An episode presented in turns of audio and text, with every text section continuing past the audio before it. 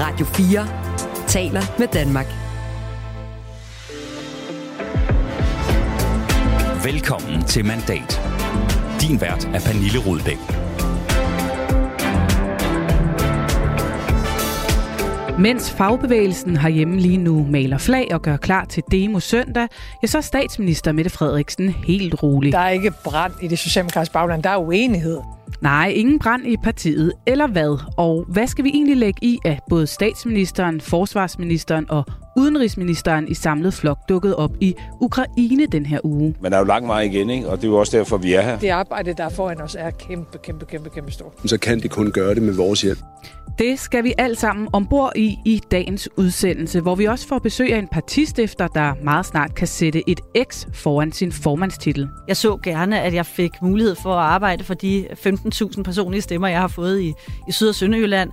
Ja, selvom Pernille Vermund forlader formandsposten, så slipper hun ikke partiet tvært imod. Men kan hun rent faktisk holde liv i sit parti som eksformand?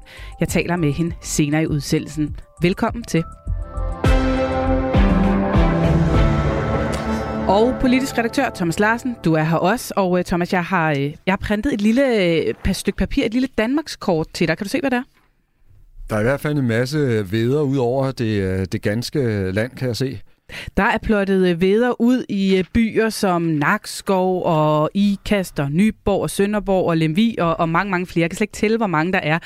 Det er et kort over øh, alle de steder, hvor man øh, på søndag kan køre med bus ind til Christiansborg Slotsplads. Der skal der nemlig være stor demo, som øh, fagbevægelsen har arrangeret for at bevare Stor Bededag. Der er 20 fagorganisationer, der står bag. Der er ungdomspartier, også DSU, der støtter op. Anne Linden spiller, der er lagt op til det helt store brag her. Jeg øh, har også printet et andet stykke papir til dig, Thomas Larsen. Det er en øh, voksmetermåling fra i mandags. Hvad øh, falder der i øjnene, når du kigger på den? Jamen, der falder der selvfølgelig det i øjnene, at Socialdemokratiet tager et øh, ret markant dyk øh, ned. Øhm, og der er jo nok en sammenhæng, skal man se. Det altså, det. Ja, lige præcis. Ja, altså, øh, den kom i mandags, den her meningsmåling. Den giver Socialdemokratiet det dårligste resultat i otte år. Det er selvfølgelig bare en meningsmåling, men når du kigger på Danmarkskortet med videre, når du kigger på meningsmålingen her, hvad er det så for et billede, der tegner sig for Socialdemokratiet? Det er simpelthen øh, et billede af en øh, voksende trussel mod Socialdemokratiet, og det der så er det helt afgørende spørgsmål her nu, Pernille, efter min mening, det er jo selvfølgelig, om det er en krise, som øh, det lykkedes for Mette Frederiksen at, at håndtere og få under kontrol, eller om vi i virkeligheden ser ind i et længere forløb, hvor krisen vil blive større og dybere, og der bliver det jo virkelig interessant også at se på søndag, når øh, den samlede fagbevægelse mobiliserer, og altså en lang række forbund går ud og appellere til medlemmerne om at møde op til den her demonstration. Om det bliver sådan et billede af en slåsplads, der er sort af mennesker, om det bliver en af de sådan rigtig store manifestationer, som man også kommer til at huske i, øh, i, i, i mange øh, år. Fordi det vil simpelthen sige noget om, om, om modstanden og om den øh, kraft, som, som fagbevægelsen har i opgøret med regeringen øh, her og, og, og nu. Det bliver virkelig interessant. Det er jo ikke øh, det eneste, som øh, Storbededag-balladen øh, har, har sat sig på. Der kommer også til at være samråd i, øh, i Folketinget i dag. Der øh, kommer til at være første behandling af lovforslaget. Og i weekenden, der øh, var der også larm omkring det, da Socialdemokratiet de holdt øh, øh, nytårsstafet. Øh, øh, der var flere ude fra baglandet, der var ude og, og, og kritisere øh, det her og være bekymret. Er den her ballade om Storbededag efterhånden noget, der virkelig er ved at sætte sig i Socialdemokratiet? Ja, og som sagt, så bliver det helt afgørende at se, om det i virkeligheden er noget, der vil udvikle sig endnu øh, værre. Fordi jeg tror stadigvæk, at det, der kan gå hen og blive det absolute rejsescenarie for Socialdemokratiet, det er, hvis øh, deres planer om at sløjfe store bededag som hele dag øh, kommer til at påvirke overenskomstforhandlingerne sådan, så det er en af de årsager, der kan, der kan udløse en, en stor konflikt. Hvis det sker, hvis en stor konflikt bliver en realitet, så vil øh, øh regeringen og Mette Frederiksen først for alvor få, øh, få fagbevægelsen på, på nakken. Og det er noget, der kan koste dyrt, og også efter min mening altså potentielt kan trække øh, lange spor øh, fremover, fordi Socialdemokratiet og fagbevægelsen har faktisk i de senere år haft et virkelig stærkt og godt øh, forhold øh, med stor øh, fortrolighed øh, og, og, og stor samarbejdsvilje, og det er ligesom kastet op i, øh, i, i luften nu. Det kan få konsekvenser fremadrettet for, hvor meget øh, fagbevægelsen rent faktisk overhovedet vil, vil støtte Socialdemokratiet i valgkamp, for eksempel, hvor mange penge vil man give til partiet. Det kan også gå hen og få en betydning for, hvad det er for en, en fagbevægelse, der vil, vil vise sig fremover, fordi der kunne godt være dele af fagbevægelsen, der måske vil prøve at finde andre venner øh, på Christiansborg, for eksempel enhedslisten. Nu kastede den her meningsmåling i, i hovedet på dig, Thomas Larsen, lige før. Når du kigger på den, når du kigger på de forskydninger, der sker i det politiske landskab, så er det jo især også et parti som SF, der lige nu vinder på det. De står simpelthen til 13,5 procent i den her meningsmåling. Hvad betyder det for øh, Mette Frederiksens øh, udgangspunkt i den her krise, hvis man kan sige det sådan? Jamen, det er jo en god pointe, du har fat i der, fordi på den ene side, så står vi og, og, og kigger på en statsminister, der helt klart altså, vil opleve at blive presset fra sit eget bagland, og, og bliver presset nu fra, fra, fra fagbevægelsen. Og det er selvfølgelig noget, der rummer et faresignal øh, for Mette Frederiksen. På den anden side, så tror jeg også dybest set, at hun er meget, meget lettet over at studere nogle meningsmålinger, hvor hun kan se, at nogle af de utilfredse socialdemokrater, øh, øh, socialdemokrater de faktisk går hen til SF, fordi hvad betyder det? Ja, det betyder, at de går over til et andet rødt parti, som jo, når det kommer til stykket, vil støtte Mette Frederiksen som statsminister. Så på en eller anden måde, så ser vi også ind i et billede øh, af, at der er sådan parlamentarisk set, kan man sige, øh, alligevel er en vis form for sikkerhedsnet under hende. Og spørgsmålet er så, om der er fuldstændig ro på, eller om der så småt er ved at være lidt panik i den socialdemokratiske lejr. Tager de det køligt, eller hvad? Det skal vi øh, finde ud af nu. Du lytter til Radio 4. Og det skal vi sammen med en, som øh, i den grad kender partiet. Velkommen til, Niels Jespersen. Tak for det. Du er jo øh, chefredaktør for netmediet Pio Pio. Hjælp os lige øh, her. Der er mange, der har en idé om, hvor meget det er et socialdemokratisk øh, netmedie eller ikke er. Hvordan er det nu? Det er i meget høj grad et socialdemokratisk netmedie. Det hedder Netavisen Pio, ja. og vi er opkaldt efter Socialdemokratiets stifter. Og er du socialdemokrat? Det er jeg også, det er korrekt. Godt, så har vi ligesom bare deklareret det her fuldstændig. Men altså jo ikke aktiv inde på Christiansborg Nej. i socialdemokratisk politik. Du kender Socialdemokratiet særdeles godt. Du har en god fornemmelse af, hvordan den her bededag står rammer inde i partiet. Hvordan gør den det? Jamen altså, et parti på Socialdemokratiets størrelse, så, så vil man altid kunne finde folk, der er utilfredse, øh, og der er en utilfredshed med forløbet omkring det her. Altså, der er ingen tvivl om, at regeringen har jo tabt, kan man sige, øh, forklaringen i den offentlige mening omkring det her kryds, altså at det skal være på grund af Ukraine, at vi øh, afskaffer bededagen. Øh, og, og det er jo også noget, som rigtig mange socialdemokrater ude lokalt, især de socialdemokrater, som er aktive fagbevægelsen, det man er rigtig mange af, de bliver stillet til regnskab for i, øh, i deres, øh, hvad hedder det, øh, i deres øh, øh, lokale fællesskaber. Øh, og og det, der, der føler man nok, at man bliver sendt i byen med, med, med lidt en stinker. Er der ved at opstå en, øh, en, en panik eller en uro omkring den her sag i Socialdemokratiet? Vurderer du, når der begynder også at være utilfredse stemmer, når man ser det i meningsmålingerne? Eller vurderer du, at der faktisk stadig er nogenlunde øh, ro på i partitoppen? Men altså igen, et, social, et parti på størrelse med Socialdemokratiet vil du altid kunne finde folk, der mm. er utilfredse det her, de her meningsmålinger især, det er noget, man kigger på med meget stor alvor i Socialdemokratiet, men der opstår først panik det øjeblik, hvor det er et billede, der sætter sig. Altså, der er stadig en fornemmelse af, det her, det er noget, der relaterer sig konkret til den her bededagssag det er noget, man vil have overstået om et halvt år, så er der en helt anden dagsorden. Og så er der også, tror jeg, hvis man er i toppen af Socialdemokratiet, så udvikler man en eller anden form for hård mave i forhold til meningsmåling. For hvis vi ser over meningsmålingerne de sidste ja, par år, altså så har de jo svunget vildt. Altså hvad er det? Få år tilbage, Socialdemokratiet stod til 35 procent. Gå øh, lidt flere år tilbage, jamen, så lå de lige så dårligt, som de ligger nu. Og, og, og det man kan se, det er jo, at valgresultaterne fra Socialdemokraterne, de er ofte meget anderledes end øh, den måde meningsmålinger står på. Så når der lander den dårligste meningsmåling for, for partiet i otte år værre, end øh, da minkskandalen den øh, rasede hen over sommeren, så tager man det bare helt roligt. Nej, det siger jeg heller ikke, det man gør. Man, man, man kigger på det her med meget stort alvor, men man går først i panik det øjeblik, at det er et billede, der sætter sig, at, at det er et, et billede, man har i meningsmålinger måske over et halvt år, en længere periode, fordi jeg tror også i dag, så, så er meningsmålinger også noget, vælgere bruger til at sende et signal. Altså, de er ikke nødvendigvis tænkt sig at stemme efter meningsmålinger. De sidste to valg er der jo faktisk sket en eller anden form for samling om midten, øh, efter at, at, at meningsmålinger har været noget, der bakket yderligere fløjene lidt mere op. Øh, og, og det er i hvert fald analysen lige nu i mm. Socialdemokratiet, mm. men, men altså, det kan jo så også ændre sig igen. Således analysen i Socialdemokratiet på den her meningsmåling, Thomas Larsen, er du egentlig enig i, at øh, den værste meningsmåling i otte år ikke bør give anledning til den store panik, før det sådan virkelig har sat sig i gentagende meningsmålinger?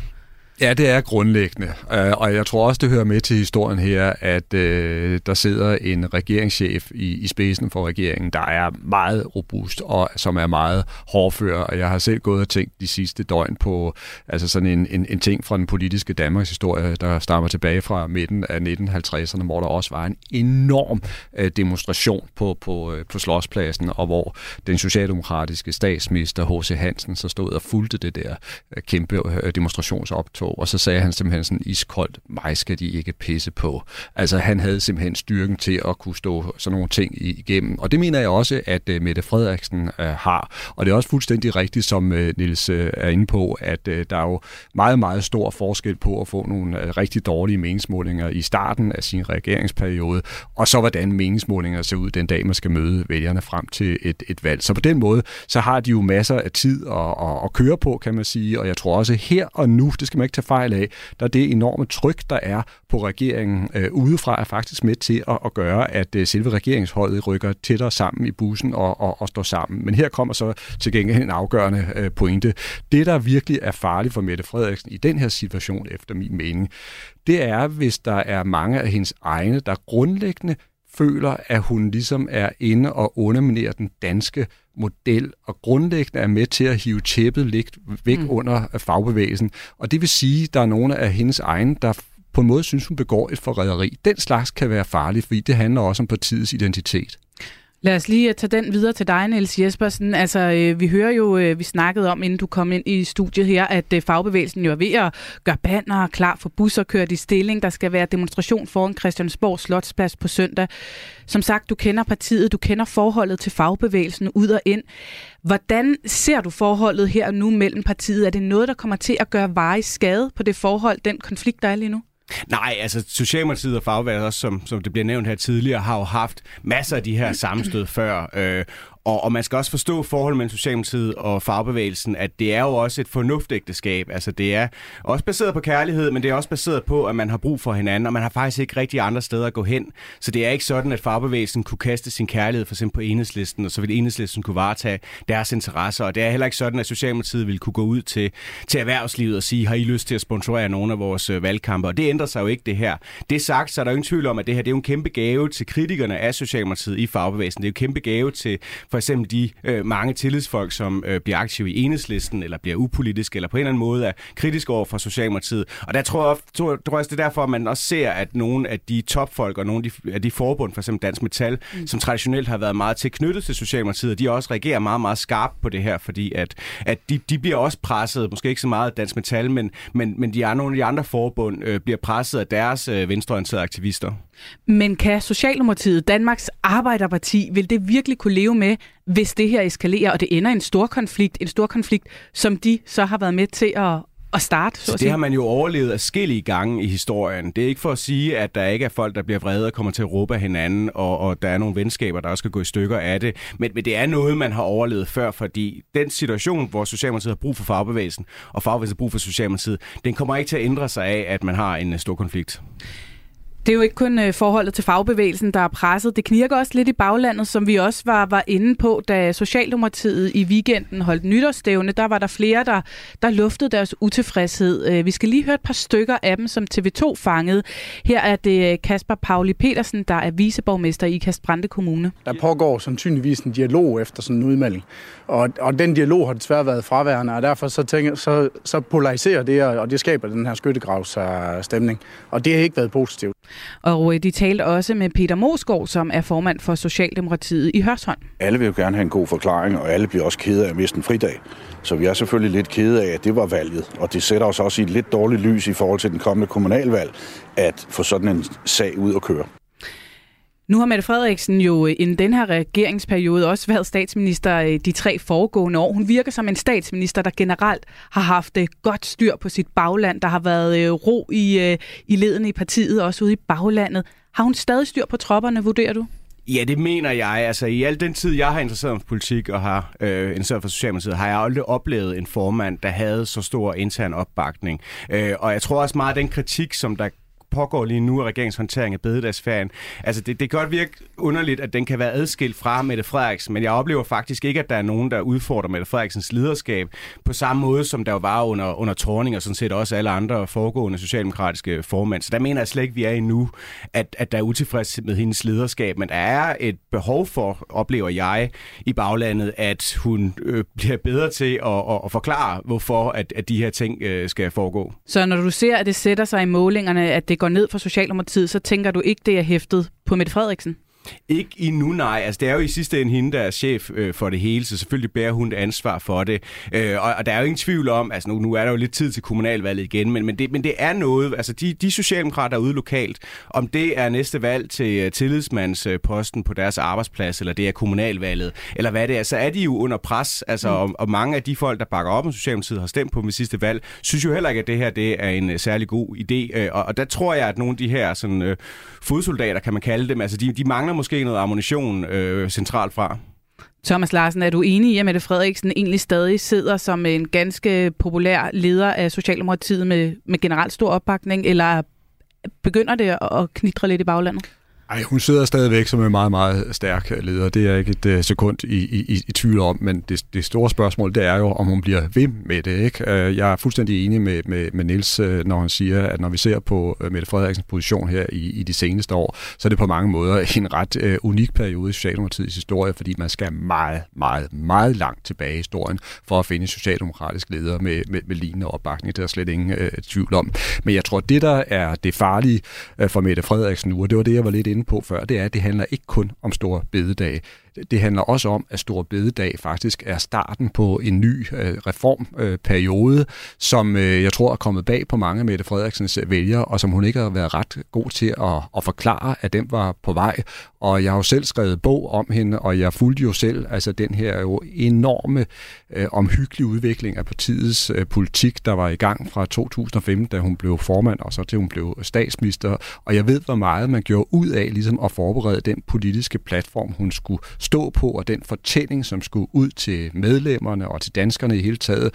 Og der mener jeg altså rent faktisk nu, at man kan se tegn på, at hun laver sådan et, et politisk sving, uden at det er blevet forklaret ret godt. Og hvis hun ikke lykkes med at få forklaret, hvad det er, hun er i gang med, så får hun et problem. Nils Jespersen, er du enig i den analyse, at øh, der kan vente en øh, farfuld vej foran øh, Mette Frederiksen nu i det her reformspor, som, øh, som de har tegnet jo, absolut. Altså, Danmark står i en helt anden situation nu, end da Socialdemokraterne overtog magten i 19, og, og, og ingen tvivl om, at det havde jo været bedst, hvis man har kunne forberede sit bagland og vælgerne på, at der vil komme en krig i Ukraine, der vil komme en pandemi, at der vil komme en muligvis kommende recession. At det har man jo bare ikke nødvendigvis mulighed for, øh, men, men man prøvede jo at gå ud og gøre det før øh, valget. Jeg er helt enig i, at det er en anden fortælling øh, end og det, har hun som... været for dårlig til at få den øh, fortælling etableret? Det, det, det må vi jo se. Altså, det er jo i sidste ende vælgerne, der skal være øh, hvad hedder, dommer for det. Altså, hun gik jo til valg på at danne en bred regering over midten og fik et, et bumstærkt mandat fra danskerne og suverænt det største parti, vi har i Danmark. Altså, jeg tror, at det, der sker med Mette Frederiksen nu, er jo for eksempel noget af det, som også skete for Anders Fogh Rasmussen. Altså, da han lavede Venstre om til at blive et øh, grønt parti, i hvert fald i, i Venstres egen optik. Altså, der var man gået til valg på, ja, nærmest i dag vil man ikke kalde det en klimabenægter øh, dagsorden tilbage i 2001. Men der kunne man godt mærke, at, øh, at tiderne havde ændret sig, at vælgerne havde ændret sig, og måske var der også nogle topfolk i Venstre, der havde ændret holdning til de ting her. Øh, og, og der drejede man ligesom Venstre, og det, det lykkedes faktisk ret effektivt for Anders Fogh både at få sit bagland, men også vælgerne til at acceptere den øh, forvandling. Og, og det er noget lignende, Mette Frederiksen er i, i færd med nu. Øh, så kan man mene, at det er udtryk for en eller anden form for gusten overlæg, men jeg synes jo også, man skal anerkende, at jamen, men situationen, altså verdenssituationen ændrer sig jo også. Den situation, Danmark er i i dag, er radikalt anderledes end i 19. Så de løsninger, Socialdemokratiet havde i 19, vil jo mm. heller ikke være nogen, man kunne holde fast i uden omkostninger i dag. Men man kan sige, at nu har Mette Frederiksen øh, taget første skridt i retning af at lave de her reformspor ved at sige, at nu skal vi afskaffe stor bededag. Der venter mange andre øh, fortløbende sammen med Venstre og, og Moderaterne. Det er tydeligvis noget, som har forskrækket en lang række socialdemokratiske vælgere. Hvordan undgår Mette Frederiksen at skræmme flere væk, når hun skal forfølge det her reformspor fremadrettet? Jamen, jeg tror jo, hun skal jo levere det, som, som mange danskere, tror jeg, også de danskere, der måske skriver flest læserbreve og larmer mest, håber sådan en midterregering kan. Og det er jo måske at luge ud i for mange dumme regler, som ingen forstår, og så samtidig sørge for, at øh, altså velfærdsstatens kernebutik, den simpelthen fungerer, at, at der er nogle veje at køre på, og der er nogle institutioner, der kan tage sig af de gamle og børn og så videre, alle de ting der. Øh, og, og kan man lykkes med det, altså kan man lave sådan en common sense politik, hvor man rydder ud i lovjunglen og så videre, så tror jeg sådan set, at der vil være en meget stor opbakning til det. Men hvis det bliver set som sådan noget teknokrat reformspor, nogle djøffer, øh, der sidder og, og hersker og, og, over øh, danskerne og, og tager ting fra dem, altså det, det, det tror jeg ikke nødvendigvis, der vil være stor opbakning til. Vi får se, om hun øh, vælger den ene eller den anden vej. Tak for besøget i hvert fald, Nils Jespersen, chefredaktør for øh, netmediet Piu Piu. Piu. Piu. du lytter til Mandat på Radio 4. Og øh, midt i al balladen i den politiske andedam herhjemme, ja, så øh, pakkede Mette Frederiksen i al hemmelighed sin kuffert og tog øh, Jakob Ellemann Jensen og Lars Løkke Rasmussen under armen og rejste ned til præsident Zelensky i Ukraine. Jeg, jeg synes, at den følelse, man står tilbage med i Mykolaiv, det er jo, en, altså, det er jo brutaliteten fra russernes side. Altså, man har bevidst gået efter civile mål. Øh, man har bevidst gået efter at ødelægge øh, den infrastruktur, der gør, at mennesker kan leve, om det er vand eller det er elektricitet. Øh, så det er, altså det er jo en ekstrem øh, brutal øh, russisk her, som, som er i, har været og er i Ukraine. Og så bliver vi jo bare bekræftet i, hvor vigtigt det er, at Europa bliver ved med at stå sammen og hjælper Ukraine, fordi det arbejde, der er foran os, er kæmpe, kæmpe, kæmpe, kæmpe stort. Ja, sådan lød det til TV2, der sammen med DR var med på turen, og mens man måske så troede, at det bare var gjort med støttende ord og pæne tilkendegivelser, ja, så lød det pludselig også sådan her. Det, som vi har støttet Ukraine med indtil videre militært, det er det, de har bedt om. Og nu ønsker man også leopardkampvogn, det forstår jeg godt. Og, og den ønskeliste, den er i sagens natur uendelig. Hvis de skal besejre ondskaben, og det skal de, så kan de kun gøre det med vores hjælp. Ja, sådan sagde forsvarsminister Jakob Ellemann Jensen til TV2, og Mette Frederiksen bekræftede, at der altså blev talt, øh, talt om et øget støtte fra Danmark rent militær. Det kan også være kampvogn, som er øh, en nødvendigt, kan man sige, på, på slagmarken. Det er artilleri. Øh, det er derfor, vi har givet den meget, meget store donation. Vi har faktisk øh, leveret alt artilleri fra, fra dansk side. Men, men der er flere forskellige ting på den politiske dagsorden og den militære dagsorden også frem efter. Hej Peter Jansved Rasmussen. Pænt goddag. Jeg skruer også lige op for din øh, mikrofon, så kan vi bedre høre dig. Pænt goddag. Pænt goddag. Du er jo som sagt øh, vært på Frontlinjen, og øh, du er også redaktør på forsvarsmediet Olfi. Hvad tænkte du, da du hørte de her meldinger om kampvogne fra Danmark til Ukraine? Jeg tænkte, at der er noget i gære, som øh, Jakob Ellemann Jensen ikke har fortalt åbent og ærligt om. Altså for en uge siden, halvanden uge siden, var det, at øh, han efter et møde i Udenrigspolitisk Nævn havde fået Folketingets opbakning til at donere det her Cæsar-system, som ellers var på vej til at komme til Danmark. Og det viste sig jo så efterfølgende, at vi kunne købe noget til erstatning for det i øh, Israel. Og det han sagde i den forbindelse, det var jo, jamen vi har givet det, som Ukraine specifikt har bedt Danmark om, nemlig artilleri. Vi er ikke blevet bedt om at levere kampvogne. Og ups, så sidder Zelensky pludselig øh, mandag og siger øh, tak, fordi at I også nu bliver en del af kampvognskoalitionen. Og da statsministeren så får spørgsmålene, siger hun jo også, ja, kampvogne kan også komme på tale. Og jeg har jo så her øh, brugt anledningen til at undersøge lidt, hvad, øh, hvad der kan være i gære, og ja. det tyder jo på, at, øh, at ja, vi kommer sikkert også til at levere nogle kampvogne. Og hvordan øh, mener du, at det tyder på det? Hvad er det, du har fundet ud af? Jamen, det er, at øh, Jakob Ellemann Jensen har jo afvist, at vi skulle sende de her nogle af de 44 danske Leopard 2 A7 kampvogne. Og det, der hører med til historien omkring Leopard kampvognene, det er, at de får så mange forskellige konfigurationer. Vi er det første land, der har fået den øh, nyeste og seneste opgradering, som hedder A7. Og det er en meget avanceret kampvogn, som øh, koster næsten det samme som en helt ny kampvogn. Og, og den kræver rigtig meget at lære betjene. Og, og selvom man sender øh, mange hundrede øh, 2 A5 ned, så kan man ikke også bare få 2 A7, og så tro, man kan det samme. Øh, og der er den problematik omkring de danske kampvogne. De er jo faktisk indsat i afskrækkelsen mod Rusland ved, at vi har en kampvognseskadron i Estland. Øh, så de er jo sådan set allerede aktive til det, de skal bruges til. For at vi kan holde den løbende i gang over i Estland, så skal der være nogle kampvogne hjemme i Danmark til at uddanne på. Hvis vi begynder at sende kampvogne til Ukraine, jamen så går hele det projekt i stykker, og så har vi slet ikke noget tilbage. Og det, som jeg har fundet ud af, det er, at, øh, at man formentlig fra regeringens side pønser på at tilbagekøbe en del af de kampvogne, vi udfasede før vi fik, eller dem, der vi havde før vi fik uh, Leopard 2, de hedder Leopard 1.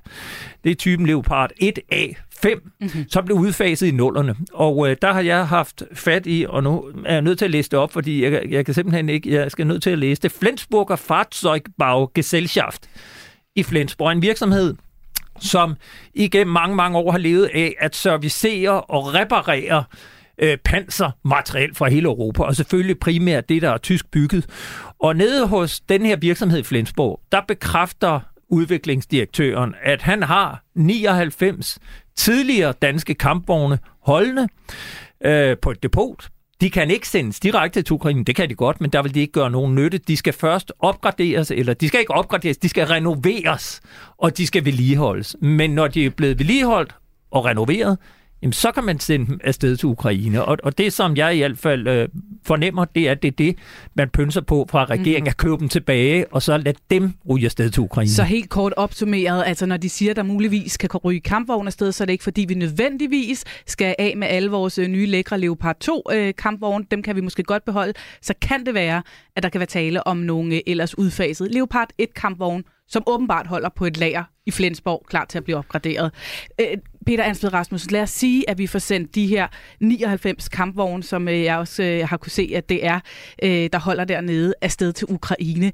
Hvad vil det betyde for øh, Danmarks position i Ukraine? Er vi så nogle af frontløberne? Er vi duksene i klassen? Er vi dem, der støtter allermest? Eller hvor er vi i hierarkiet her?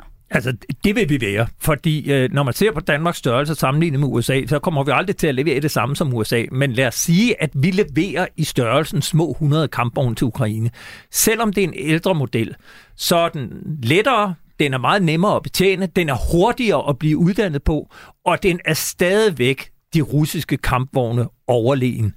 Og, og min vurdering er, at Danmark ved at sende små 100 kampvogne til Ukraine, vil købe aflad for det fuldstændig håbløse forsvar, vi står med, som NATO jo har kritiseret igen og igen og igen. Og Jens Stoltenberg har jo selv sagt, NATO's generalsekretær, at hvis øh, valget står mellem at leve op til NATO's styrkemål eller sende krigsmateriel til Ukraine, så skal I prioritere krigsmateriel til Ukraine. Så hvis Danmark nu vil at bruge i størrelsesorden cirka 1 milliard kroner, det er det, jeg hører af vurderingen, det vil koste, på at købe de gamle kampvogne tilbage, få dem renoveret og sendt til Ukraine, så vil det jo være en meget, meget mm. markant donation sammenholdt med de 18 artilleripjæser, som virkelig vil kunne gøre en forskel.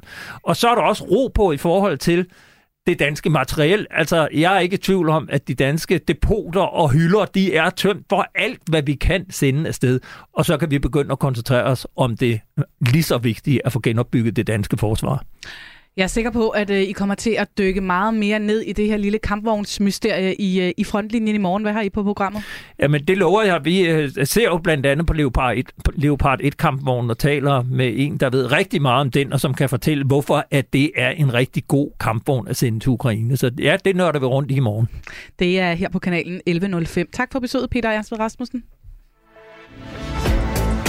Du lytter til Radio 4. Ja, Thomas Larsen, nu øh, hørte vi fra Peter Ernst Ved Rasmussen, øh, som jo altså siger, at det jo ikke bare var øh, for showet, at de var dernede. Der er rent faktisk også noget øh, på bederne, rent øh, forsvarspolitisk. Så hørte vi også fra Niels Jespersen, som, øh, hvor vi talte om den her socialdemokratiske krise. Hvis vi skal prøve at binde de her to vinkler sammen, i hvilken kontekst ser du så også besøget i Ukraine, hvor det jo altså var bemærkelsesværdigt at se både Mette Frederiksen og Lars Løkke Rasmussen og Jakob Ellemann Jensen trippe rundt og næsten træde hinanden i fødderne for at, at blive en del af det her spotlight. Jamen det er rigtigt. Altså, jeg tror, man skal se det helt nøgternt som øh, et besøg, der har haft et øh, dobbelt formål.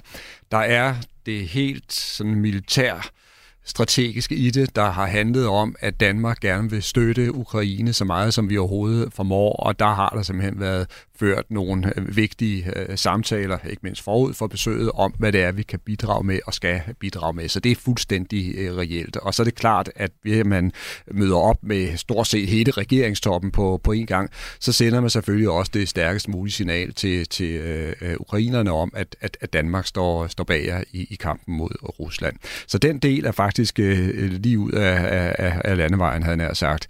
Den anden del, det er selvfølgelig, at øh, besøget også skal ses som en mean, kommunikationsoffensiv fra regeringens side, fordi regeringen ved godt, at det her forslag om stor bededag, det er ekstremt upopulært i befolkningen herhjemme. De er ikke lykkes med at forklare danskerne, at vi bliver nødt til at droppe en helligdag for at kunne finansiere, altså forsvaret og kunne finansiere hjælpen til øh, Ukraine. Øh, der er de simpelthen kommet øh, bagefter øh, i forhold til den øh, forklaring, og de er blevet presset i defensiven. Og der prøver de så med det her øh, besøg, hvor de er ude og se nogle af de her frygtelige øh, ødelæggelser, der er i de ukrainske byer, og vise danskerne, hvordan virkeligheden ser ud i Ukraine, og hvorfor det er så vigtigt for regeringen og for Danmark at støtte øh, ukrainerne mm. i den her situation. Så det er simpelthen også et stykke politisk kommunikation, vi har været viden til.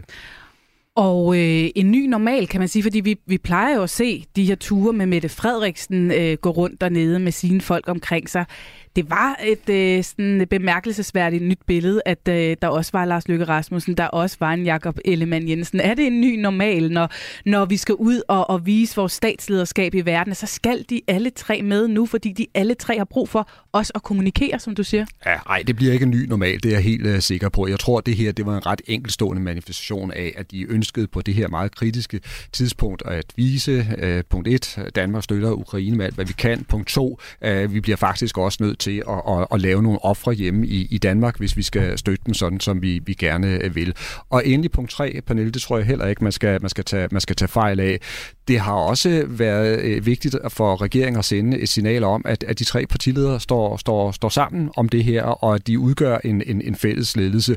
Men jeg tror ikke øh, fremover overhovedet ikke, at vi kommer til at se dem optræde som et kollektiv. Så er spørgsmålet jo, om de kan lykkes med den her kommunikationsoffensiv, du taler om. Altså, øh, vi har demoen på søndag, det, det, det kører stadig i Folketinget. Kan det noget, det her? Kan det trænge ind i danskernes bevidsthed af den her krisefortælling om, at der er en, en mening med galskaben? Det kan bedst blive sådan en vurdering fra min side. Jeg tror faktisk, at de har tabt det slag. Jeg tror, at, øh, at danskerne ikke længere ligesom accepterer den direkte forbindelse mellem afskaffelsen af Stor Bededag og så hjælpen til øh, Ukraine. Og man synes også, man kan, man kan fornemme, at der ved øh, danskerne godt, der kunne være mange andre måder at finansiere altså hjælpen til Ukraine på og, og finansiere øh, oprustningen af det danske forsvar på. Så jeg tror, at de simpelthen er, at regeringen er, er bragt på hælene i den her øh, sag, og i virkeligheden så prøver de måske mest alt at reparere skadevirkningerne her nu. Vi er i fuld gang med mandat på Radio 4. I øh, studiet er politisk redaktør Thomas Larsen. Jeg hedder Pernille Rudbæk, og øh, nu vender vi os så mod en helt anden historie fra Christiansborg. Vi har nemlig øh, netop fået besøg af en snarlig eks-partiformand. Du lytter til Mandat på Radio 4.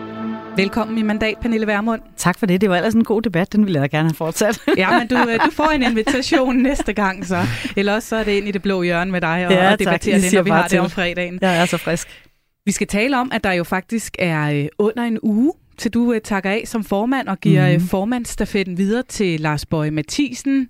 Du, øh, du slipper det parti, du har været med til at, at stifte. Hvordan er sådan en øh, sidste uge som formand for et parti, som du netop selv har stiftet? Er det sådan lidt vemodigt, eller er det også en lille lettelse?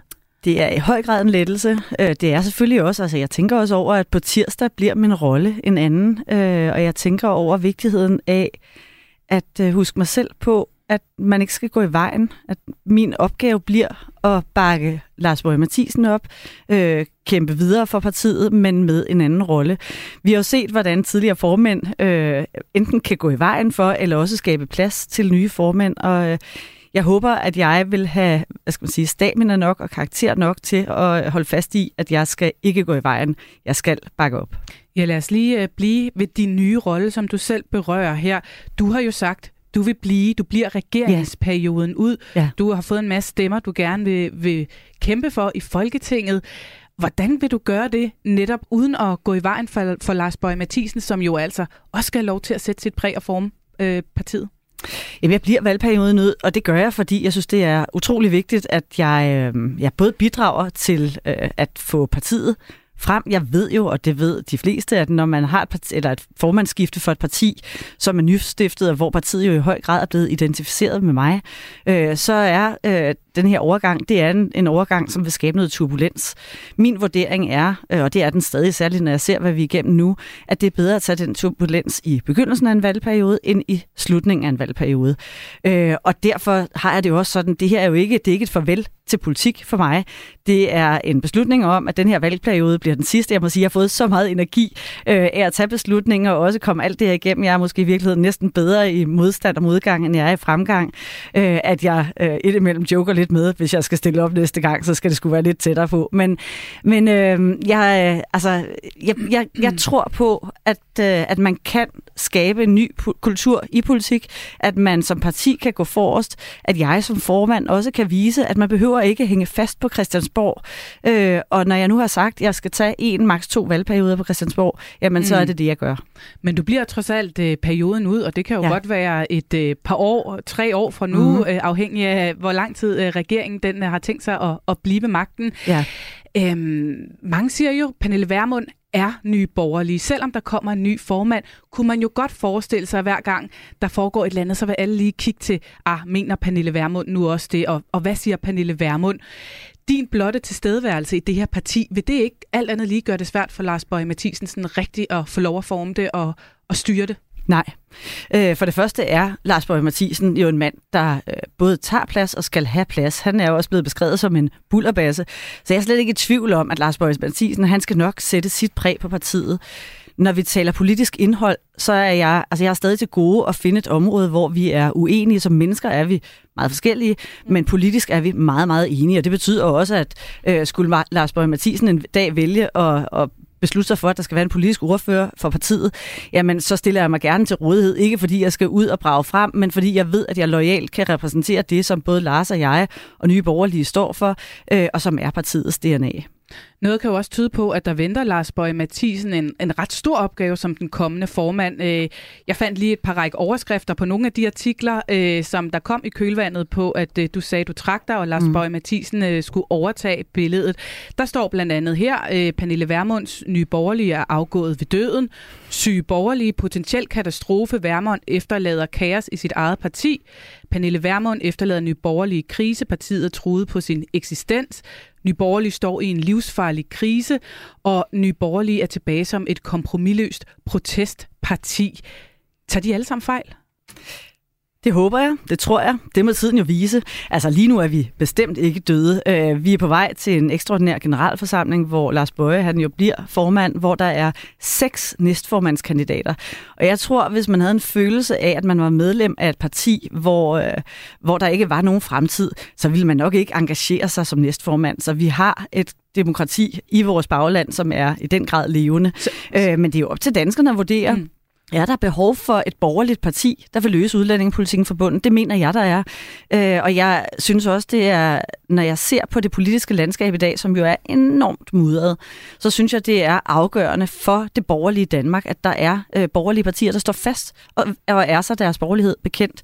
Vi har set i alt for mange år, det er også noget af det, der er årsagen til, at vi stiftede Nye Borgerlige, at øh, nominelt borgerlige partier, som for eksempel Venstre, øh, konservative til tider også, øh, har svigtet det borgerlige projekt, mm. har svigtet det borgerlige Danmark og rykket så tæt ind på midten, at man har svært ved at kende dem fra Socialdemokratiet.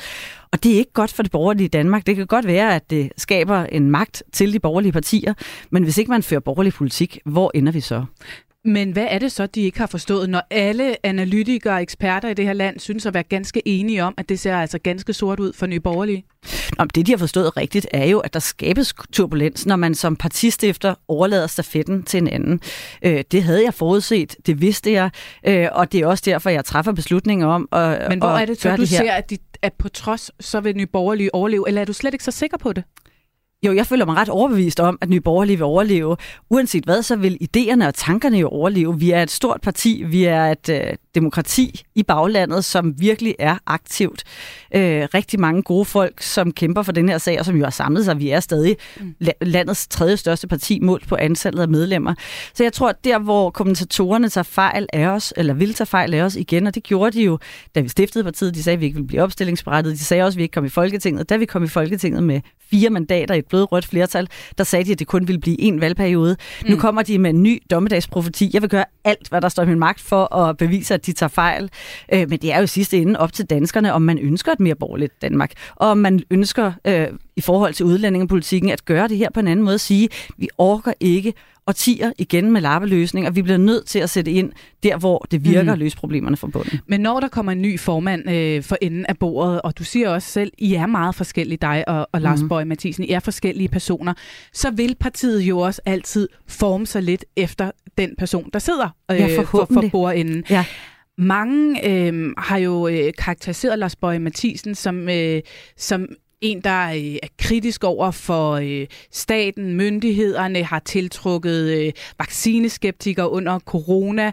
Øh, Joachim B. Olsen her skriver en af de her overskrifter, at Nyborgerlige er tilbage som et kompromilløst protestparti.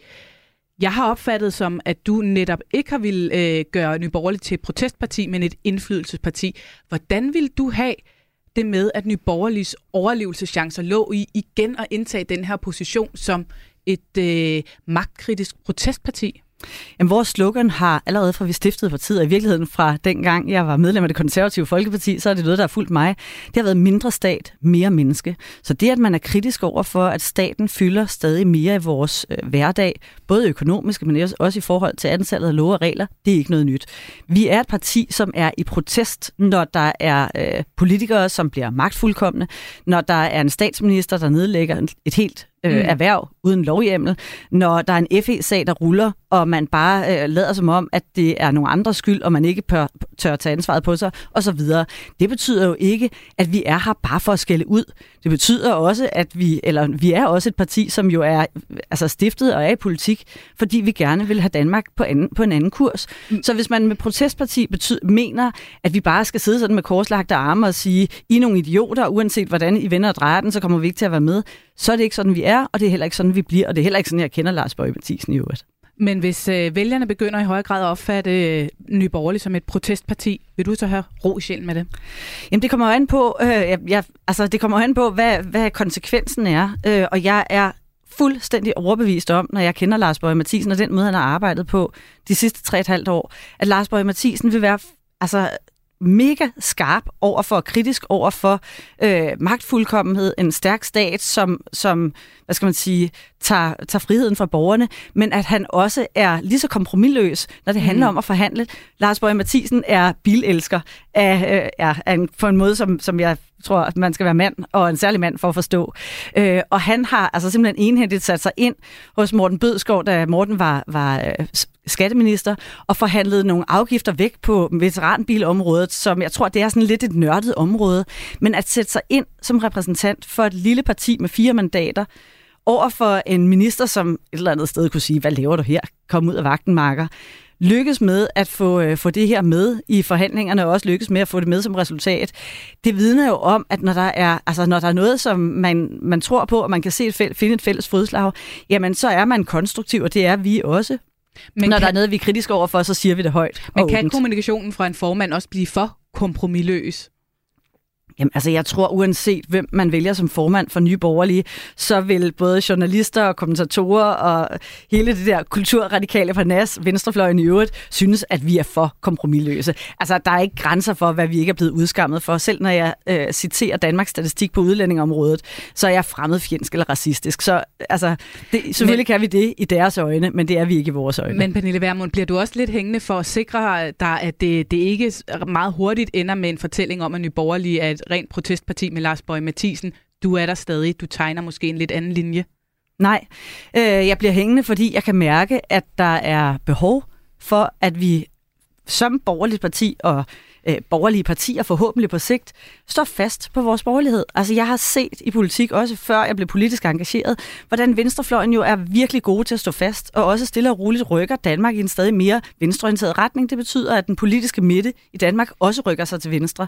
Vi har kortvarigt haft et LA, som har øh, stået fast. De kravlede op i et træ, så kravlede de ned igen. Vi havde i starten af nullerne nogle øh, 10 liberale teser fra, fra Søren Pind, som jo blev udskammet af Venstres ledelse. Vi havde en konservativ skat skatteminister, som var ude og, og harceleret mod topskat. Hun blev også udskammet, så der har jo været store forsøg på øh, at, at kæmpe for den borgerlige dagsorden, men hver gang er man blevet slået ned af sine egne. Og jeg tror, det er vigtigt, at vi som parti står fast, og at danskerne forstår, at vi siger, hvad vi mener, vi gør, hvad vi siger. Og det gør vi, uanset om det er mig, der er formand, om mm. Lars Bøje er formand, eller om den næste formand om 8 eller 10 år øh, hedder noget tredje eller noget fjerde. Jeg kunne godt tænke mig at høre, Pernille, bare for at være fuldstændig øh, sikker, øh, og det er sådan hånden på hjertet her. Ja. Øh, er du der virkelig frem til næste ja. valg i partiet? Fuldstændig. Og jeg er der så meget, som sagt, så jeg sådan går rundt og kan mærke, en følelse af, altså jeg har ikke haft den følelse længe, jeg har ikke haft en følelse af, at jeg glæder mig til at komme på arbejde. Øh, lørdag tænkte jeg, okay, der er to dage til, jeg skal på arbejde. Jeg glæder mig til mandag, sætte mig ned med mine nye ordførerskaber. Jeg er jo blevet skatteordfører, medieordfører, erhvervsordfører, landbrugsordfører. I går stod jeg på talerstolen for første gang som landbrugsordfører, og jeg havde simpelthen et kæmpe smil på, selvom vi behandlede noget, som var en del af landbrugsaftalen, som ikke er noget, der er groet i vores baghave, så følelsen af at stå og tale på vegne af et erhverv og om et område, som jeg virkelig brænder for, øh, jeg, altså, det er en, en fantastisk følelse at have fået den ild og den gejst og den øh, glæde tilbage. Og lige nu, på den ene side, håber jeg selvfølgelig, at regeringen falder hurtigst muligt, så vi kan få et borgerligt flertal. På den anden side, så tænker jeg også, hvor ville det være surt, hvis det her var over nu, fordi med den lyst, jeg har fået til politik igen, øh, så må det gerne vare nogle år. Jeg kunne godt tænke mig her til sidst, Pernille Vermund, og, og spørge dig lidt ind til, hvor du så ser øh, Nyborgerligs rolle i den blå blok og blå bloks rolle i det hele taget. Altså, hvis vi kigger lidt på øh, Nyborgerligs raison d'etre, du også selv nævnte, så kommer I jo ind på det her med, at I i høj grad øh, var til, fordi nu skulle udlændingepolitikken løses fra bunden. Når du nu ser tilbage på, på de her perioder, hvor I har været med, hvor meget af det synes du egentlig, der lykkes? Fordi vi kan jo kigge på en regering nu, som måske er begyndt at, at løsne grebet lidt, droppe planerne om et asylcenter i Rwanda, gør det muligt for flere at være her? Jamen på den ene side, så er det jo åbenlyst, at når man har siddet med relativt få mandater og et meget stort rødt flertal i første periode, så er øh, ens mulighed for indflydelse i det parlamentariske arbejde begrænset.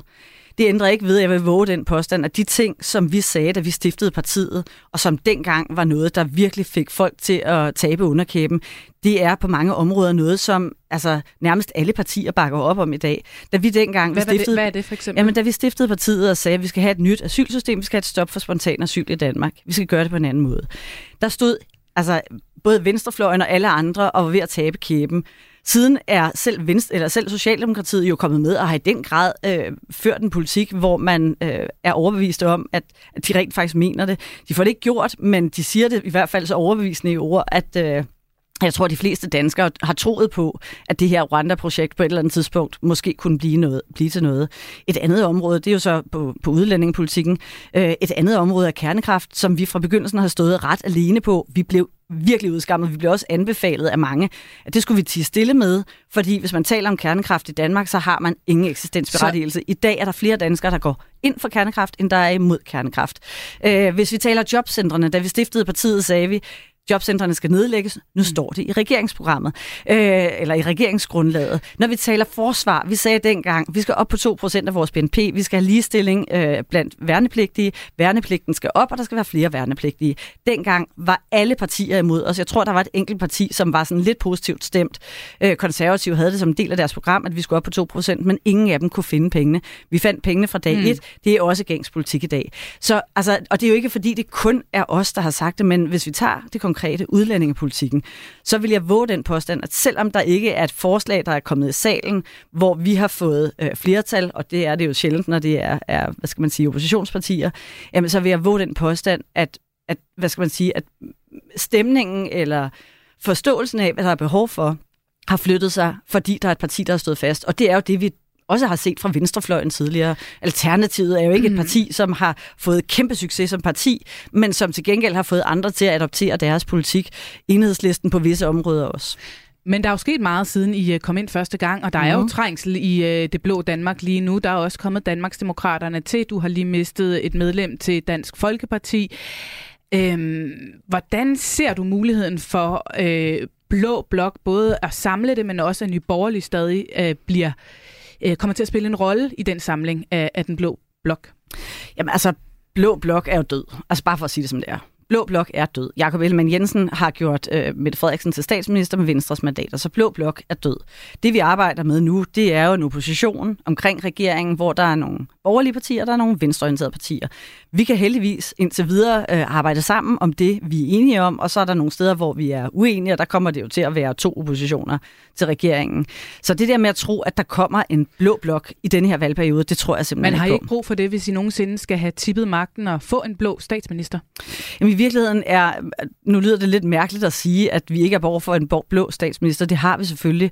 Men, men hvis den blå statsminister fører øh, socialdemokratisk politik, så er vi jo lige vidt.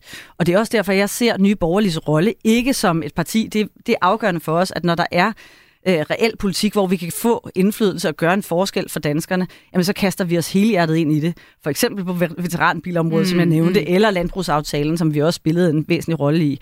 Men, men på den, altså den store fortælling, den borgerlige genrejsning og forløst udlændingepolitikken fra bunden, der tror jeg, at vi er et parti, der har større betydning i forhold til at flytte ikke bare debatten, men også flytte bevidstheden blandt de politikere, der sidder på Christiansborg, så man tør være øh, mere borgerlig, så man, hvad skal man sige, udvider rammerne for, hvad man kan tillade sig som borgerlig. Og det er en vigtig rolle, som alt for få har, øh, hvad skal man sige, prøvet, eller alt for mange har prøvet at spille, og alt for få er lykkedes med. Er du sikker på, at der er et øh, nyborgerligt efter næste valg i Folketinget? Ja, efter næste valg er jeg fuldstændig sikker på. Det er på tirsdag, du giver stafetten videre. Øh, hvordan bliver det på tirsdag for dig? Hvad har du tænkt dig at sige? Skal du ud og fejre det, eller hvad skal der ske? Jeg tror, det bliver på den ene side vemodigt øh, lige på dagen. Jeg skal jo stå og se alle mine medlemmer i øjnene. Og øhm, og det, jeg er, jeg er sgu sådan lidt, jeg er, jeg er sådan en, jeg kan, det er svært for mig at se en, øh, en sørgelig film, eller øh, gå i operan uden at, at, at fælde en tårer, og jeg tror også, det bliver, det bliver et rørende øjeblik. Og samtidig så er jeg simpelthen så glad for, at, øh, at jeg ved, at når jeg giver den her stafet videre til Lars Borg Mathisen, arbejdet er jo allerede begyndt, og, og det, der foregår i Folketingsgruppen nu, det er så konstruktivt, og det er så... Øh, så livgivende for mig, så jeg glæder mig til at stå der og give stafetten videre til Lars Bøge Mathisen, og føle mig tryg ved, at han bærer den, som Lars Bøge Mathisen nu er, og med det, han kan, men med en energi, som, øh, som bare er, altså, det, der skal ret meget til at slå ham i gulvet. Jeg tror, at de fleste, der har prøvet at bokse mod ham, de, øh, de ved godt, at det skal man ikke gøre for mange gange. Så, øh, så det glæder jeg mig helt vildt til. Tak for øh, besøget, Pernille ja, Vermund, formand for Nyborgerlige lidt endnu. Ja, tak. Radio 4 taler med Danmark. Her til sidst, Thomas Larsen, der skal vi øh, lige runde en anden stor, men også meget vemodig begivenhed, der finder sted i dansk politik i dag om en uh, times tid. Der bisættes Rit Bjerregaard nemlig. Hun sov stille ind i sit hjem den 21. januar. Hun blev 81 år gammel. Og uh, siden det skete, ja, der har der jo altså været mange store og flotte mindeord om hendes betydning, både som socialdemokrat, men også som kvindelig politiker. Jeg kan fortælle, der er inviteret 200 mennesker til Beatles bisættelsen, og at øh, Rit Bjergård, hun skal altså begraves i et særligt område omkring øh, søen på Vestre Kirkegård, som bliver kaldt for det Røde Hav. Der ligger andre fremtrædende øh, personer fra Arbejderbevægelsen og Socialdemokratiet også begravet. Louis Pio, der grundlagde partiet, tidligere statsminister Thorvald Stavning og Anker Jørgensen. Thomas Larsen, hvad siger det om Rit Bjergårds betydning, at hun skal ligge der? Der er ingen tvivl om, at det er øh, en af de rigtig store, som øh, partiet og som rigtig mange andre mennesker tager afsked med i, i dag. Det, der jo er så øh, specielt i virkeligheden her, øh, netop som Rit Bjergård, øh, hun sådan skal stedes til vilde, det er jo, at hun også på mange måder var en meget kontroversiel politiker, og som jo også undervejs har taget enormt mange kampe, også internt i sit parti og med sine øh, egne. Øh, hun har tegnet en stor epoke i, i, i partiet, men altså også en, en, en epoke, hvor øh, partiet flere gange har været ude i, i dybe øh, øh, kriser. Så det, jeg prøver at sige, Pernille, det er, at hun vil, hun vil få øh, sin plads i den politiske Danmarks historie som en markant socialdemokratisk politiker, men jeg bliver mere og mere overbevist om, at det menneske, som de fleste tager afsked med i, i dag, det er nok snarere en, øh, en kvinde, som har gjort kolossalt meget for ligestillingen i dansk politik, og det er der, at hun i virkeligheden har sat sit helt store afgørende aftryk på dansk politik. Øh, hun tilhørte en generation, hvor man virkelig skulle kæmpe mod de mange magtfulde mænd, der var i, i politik dengang, og hun har været med til at skabe en ny øh, tid, hvor øh, dem, der er kommet efter hende, har kunne række ud efter de aller, aller højeste poster og har også fået dem. Det tror jeg bliver det, der bliver hendes øh, virkelige placering i historien. Og må ikke også, der i de mindeord, der vil blive øh, udtalt i dag, kommer til at være historie om hendes betydning for eksempel øh, når det handler om ligestilling. Og så kan jeg øh, slutte med lige at fortælle, at øh, der ved hendes kommende gravplads er plantet fem æbletræer, som hun selv har øh, valgt fra øh, sin æbleplantage. Du lytter til Radio 4. Og dermed øh, slut for mandat i dag. Men Thomas Larsen, hvad holder du øje med frem mod næste uge? Og jeg holder selvfølgelig meget øje med, hvor stor en manifestation den kommende øh, demonstration på søndag vil, vil blive i, i forhold til, øh, altså hvor mange kan de samle, øh, hvor stor en proteststyrke kan de samle der i, i, i gaderne. Det bliver interessant. Og så tror jeg også, der er en anden sag, vi kommer til at snakke om i den kommende tid, og det er jo altså for efterretningstjenesterne igen, der jo burde leve et stille liv, uden at nogen hørte om det, men som igen og igen bare brager igennem øh, mediemuren. Og der bliver det spændende at se i næste uge, om man øh, rent faktisk går i gang med at lave nogle øh, undersøgelser af hele det her mystiske forløb, forløb der handler om øh, Ahmed Samsam, som i dag er fængslet, øh, mm. og som øh, man mener har øh, gjort grimme ting i, i Syrien, han har sagt, men som måske i virkeligheden har været agent. Det bliver uden tvivl også interessant at følge med i. Og når vi er tilbage næste uge, ja, så er det altså faktisk ikke på onsdag. Vi skifter nemlig øh, sendetidspunkt til torsdag, mens frontlinjen, som vi tidligere talt med, overtager vores sendetidspunkt og altså sender på onsdag. Og samtidig så sker der altså også andre nye spændende ting her på kanalen. På tirsdag går vi nemlig i luften med et helt nyt politisk magasin. Det skal du nok komme til at høre meget mere om, men lad mig bare sige, at det kommer til at handle om det store regeringseksperiment på midten, og det bliver sammen med et interessant panel af folk, der tidligere selv har været i regering, enten som politiker eller rådgiver. Jeg håber rigtig meget, at du har lyst til at lytte med på tirsdag, og selvfølgelig også på torsdag. Vi lyttes ved.